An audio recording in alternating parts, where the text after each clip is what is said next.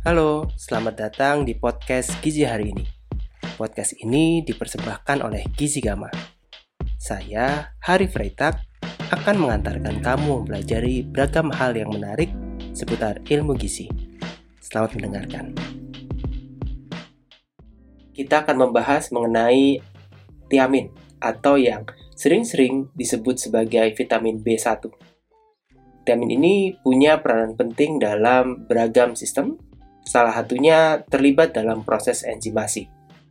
Dan beberapa studi menyebutkan bahwa tiamin ini punya peranan penting dalam pembentukan dari asetil koenzim A.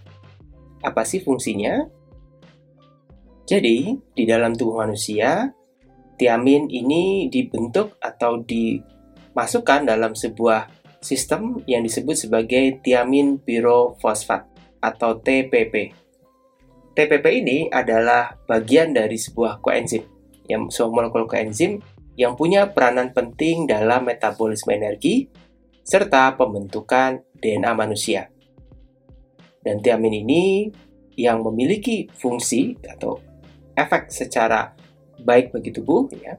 Ini juga terdapat dalam bentuk tiamin trifosfat atau TTP. Nah, ini adalah dua bentuk senyawa tiamin di dalam tubuh yang memiliki fungsi tertentu. Jadi tiaminnya sendiri itu tidak terlalu berfungsi, tapi untuk dapat bekerja, dia perlu berikatan dengan senyawa lain. Ya, salah satunya adalah berikatan menjadi tiamin pirofosfat atau tiamin trifosfat, sehingga akan memiliki bentuk yang fungsional. Lalu dari mana saja sih sumber dari tiamin? Kita bisa mendapatkan tiamin dari beberapa sumber bahan makanan. Salah satunya adalah seralia. Misalnya kita mendapatkan dari nasi atau dari gandum atau tepung terigu. Kita juga bisa mendapatkan tiamin ini dari polong-polongan, daging seperti ikan tuna, lalu susu kedelai dan beberapa jenis kacang-kacangan, ya, eh, dan juga termasuk lentil dan polong-polongan. Jadi ada beragam sumber tiamin dalam tubuh. Nah, yang membuat tiamin ini bermanfaat bagi tubuh ini karena dia terlibat sebagai koenzim dalam bentuk TPP atau TTP. Ketika kita mengkonsumsi tiamin, ya, proses penyerapannya ini dapat meningkat ketika asupan dari tiamin kita rendah. Jadi kemampuan tubuh dalam menyerap tiamin ini tergantung kadar tiamin dalam tubuh. Saat kita banyak mengkonsumsi tiamin, maka penyerapannya lebih rendah.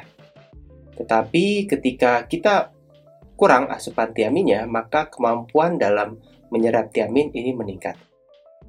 Nah, beberapa studi ini menyebutkan bahwa ada beberapa zat yang punya peranan atau punya pengaruh dalam proses penyerapan tiamin ikan mentah, kopi, teh, lalu beberapa jenis buah seperti beri dan kubis ini dapat merusak atau mengganggu penyerapan dari tiamin. Oleh karena itu, kita tidak disarankan mengkonsumsi makanan yang tinggi tiamin atau mendapatkan tiamin, tapi sembari mengkonsumsi bahan-bahan makanan atau minuman ini.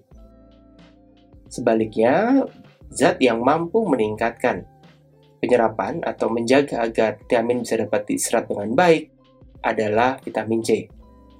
Makanan yang kaya akan vitamin C ini dapat mencegah oksidasi tiamin karena dapat berperan sebagai antioksidan. Ada faktor lain juga yang mempengaruhi penyerapan tiamin, yaitu alkohol. Orang yang mengalami peningkatan konsumsi alkohol atau sering minum minuman beralkohol misalnya, ini mengalami penurunan dari kemampuan penyerapan tiamin, sehingga ini dapat mengganggu status tiamin orang tersebut. Terima kasih telah mendengarkan podcast ini. Buat kamu yang tertarik untuk mempelajari lebih lanjut mengenai bidang ilmu gizi, kamu bisa mengikuti kelasnya di Udemy. Silahkan gunakan link atau tautan pada kolom deskripsi untuk menuju rangkaian kelas Gizi Gama di Dewi. Sampai jumpa!